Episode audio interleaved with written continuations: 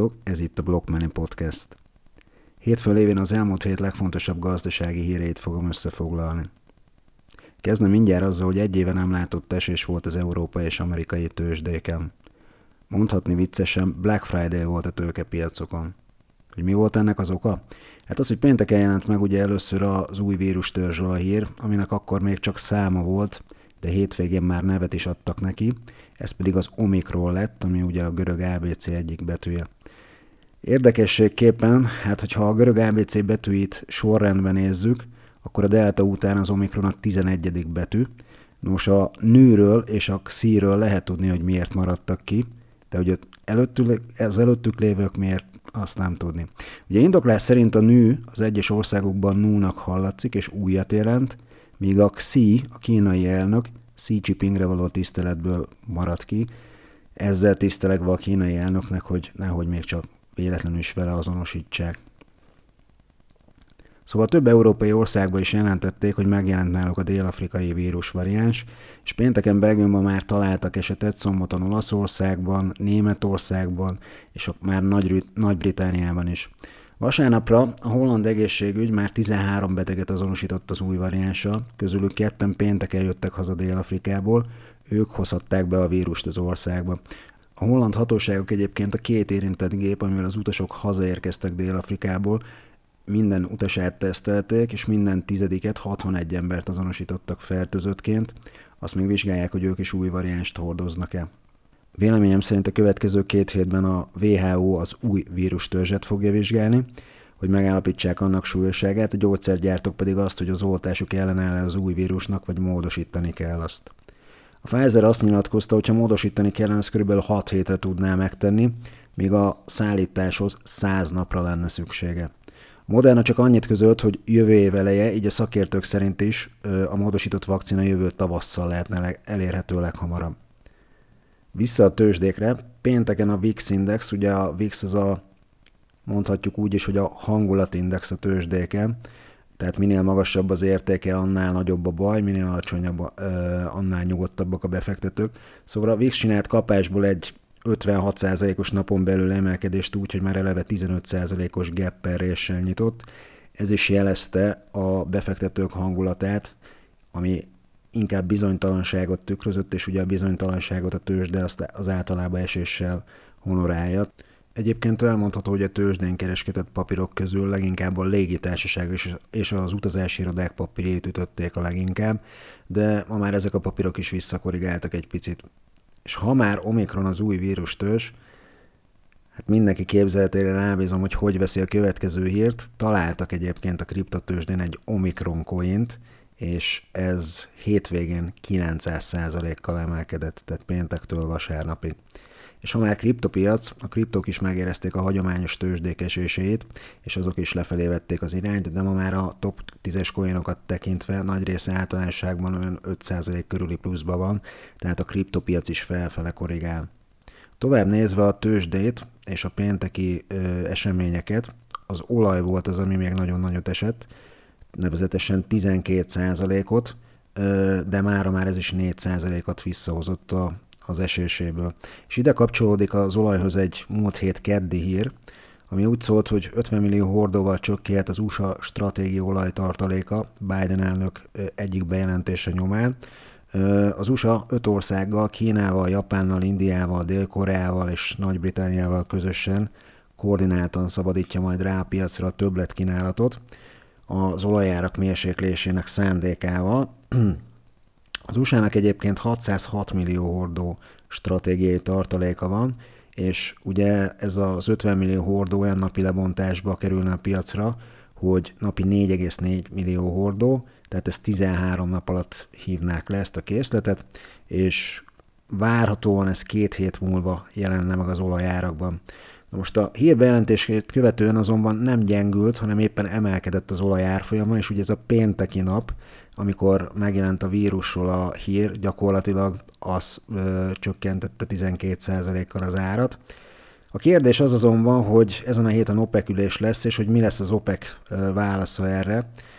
December másodikán lesz egyébként ez az ülés, és hát várhatóan most az OPEC azt fogja mondani, tehát termelést kéne növelniük, De látván az új vírust, lehet, hogy azt fogják mondani, hogy mégse fognak növelni, tehát az olaj további ára a csütörtöki OPEC meetingen dőlhet majd el.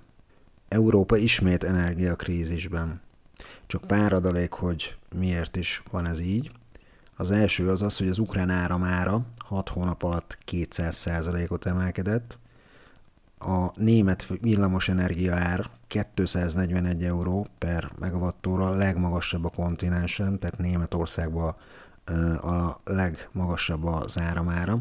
A francia villamos energia megawattóra spot piacon átlépte a 300 eurót, ami 9 éves csúcs egyébként, és ez a negyedik alkalom, hogy egyáltalán előfordult az, hogy átlépte a 300 eurót.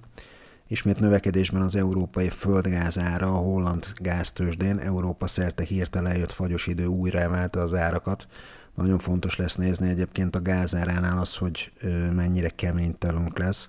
Ugye azt tudja még feljebb vinni a gázárát, meg hát még egyéb politikai dolgok valamint az Európai Unió földgáztározóiból is rohamosan fogy a gáz a hideg érkezésével, miközben ugye akadozik az orosz beszállítás, valójában még a Gazprom otthoni tározói sincsenek teljesen feltöltve. Tehát a, az energia árak a jövőben is elég ingatagoknak tűnnek. Nézzük, mi van az aranypiacán. Megjelent egy tanulmány, hogy a nemzeti bankok vásárlásai továbbra is jelentősek, a világ aranykeresletének 8,5%-át teszik ki. A Magyar Nemzeti Bank például a hosszú távú nemzet és gazdaságstratégia céljait szem előtt tartva már az első fél évben 31,5 tonnáról 94,5 tonnára emelte a Magyarország aranytartalékát. Lengyelország pedig a következő években legalább 100 tonna aranyat kíván vásárolni. Jelenleg a nemzeti tartalék 9%-a van arany, aranyban Lengyelországban, ezt tervezik feltornászni 20%-ra a következő 6 évben.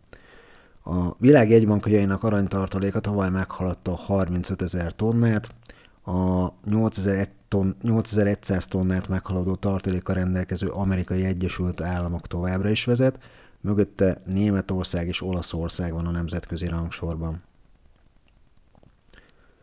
Aztán a termelői árak tekintetében volt még itt egy kiugró adat az elmúlt héten. Európa több országában is a termelői árak olyan mértékben ugrottak meg, hogy a gyártók bizonyosan nem fogják tudni a fogyasztókra áthárítani azt. Spanyolországban például a termelői árak már 31,9%-kal emelkedtek évév alapon. Ugye múlt héten volt hír arról, hogy az EU egyik legerősebb gazdaságában, Németországban ez az érték 18%, tehát ott is ez egy rekordmagas érték volt. Aztán egy kriptós hír, a Morgan Stanley növelni kívánja a bitcoin kitettségét egy külső bitcoin alap részvényeinek vásárlásával, ugye ez nem más, mint a Grayscale Bitcoin Trust. Elmondható, hogy a nagy alapok diversifikált portfóliójában már már teljes értékű helyet kapnak a kriptoeszközök. A továbbiakban pedig arról, hogy egy árbér spirál van kialakulóban az USA-ban. Az ING tanulmányaiból megtudhatjuk, hogy az Egyesült Államokban jelenleg 7,63 millióval dolgoznak kevesebben, mint a pandémia előtt. Az érdekes a számon az, hogy sokan azért, nem azért nem dolgoznak, mert nem lenne hol, hanem mert élethelyzetük úgy hozta, hogy nem éri meg nekik egyelőre visszatérni a munkába.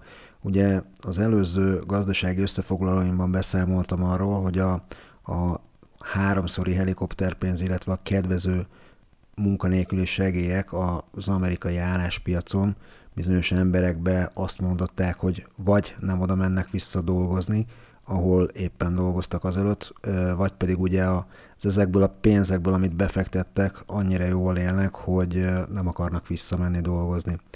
Tehát az amerikai munkaerőpiacon így egy óriási hiány támadt a képzett munkaerőből, amit a cégek ugye egyre magasabb kezdőbérekkel és bónuszokkal próbálnak ellensúlyozni, ez óriási bér és a munkáltató számára munkaköltség növekedés jelent. Az ING szerint az Egyesült Államokban 2021 első negyedévében 15 éve nem nőttek ekkorát a foglalkoztatási költségek. A magasabb bérek viszont magasabb munkaerőköltségszintet jelentenek, rákényszerítve a vállalatokat az árak emelésére. A drágulás pedig erősíti az inflációs érzetet, növeli a bérelvárásokat, így akár egy ár-bérspirál kialakulásához vezethet.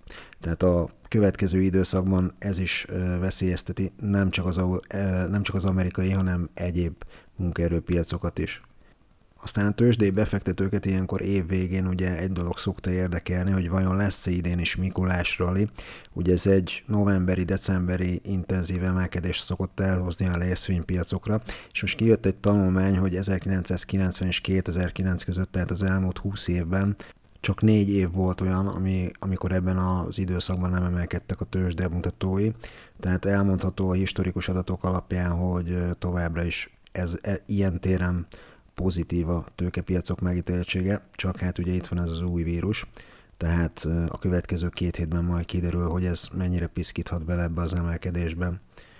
Aztán egy érdekes hír Törökországból. Múlt, hét, múlt hét szerda óta csak böngészni lehet és vásárolni nem az Apple török webshopjában. A Lira történelmi zuhanása után írta a Reuters. Emellett arról is beszámoltak, hogy a helyi Apple üzletekben is szünetel az értékesítés, tehát a fizikai üzletekben, nem csak a web, webshopokban. A lira az év óta közel 50%-ot veszített az értékébe a dollárral szemben, csak a múlt hét eleje óta több mint 22%-ot esett. Így, hogy az Apple termékének helyi árai valahol 10% környékén lettek alacsonyabbak, mint az amerikai fogyasztói árak, a webshopban határozatlan időre leállt az értékesítés, és pillanatnyilag nem elérhető hibaüzenetet kapnak a felhasználók. Az egyik isztambuli Apple munkatársa névtelenül úgy nyilatkozott a Reutersnek, hogy az emberek a válság közepette már nem is a használati cikként, hanem sokkal inkább befektetési tárgyként tekintenek az Apple termékeire.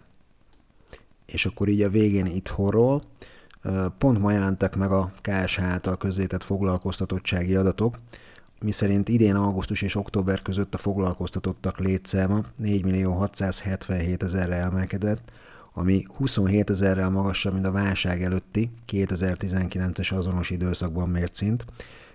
Így a hazai elsődleges munkaerőpiacon elmondható, hogy nőtt a foglalkoztatottság, míg a külföldön dolgozók száma csökkent. A múlt héten egyébként tovább emelte az egyhetes betéti kamatát az MNB, így most már elmondható, hogy az alapkamat 2,1%, míg ez az egyhetes betéti kamat, ez pedig 2,9%-on áll. Az euró-forint árfolyam 368,5-es, a dollár-forint árfolyam pedig 326,6-es értéket mutat jelenleg. Ezeket szántam az elmúlt hét legfontosabb gazdasági híreinek. Ha tetszett az adás, kérlek nyom meg a követés gombot, hogy mindig tud és megkapd a legfrissebb epizódokat. Találkozunk a következő epizódban is. Addig is sziasztok!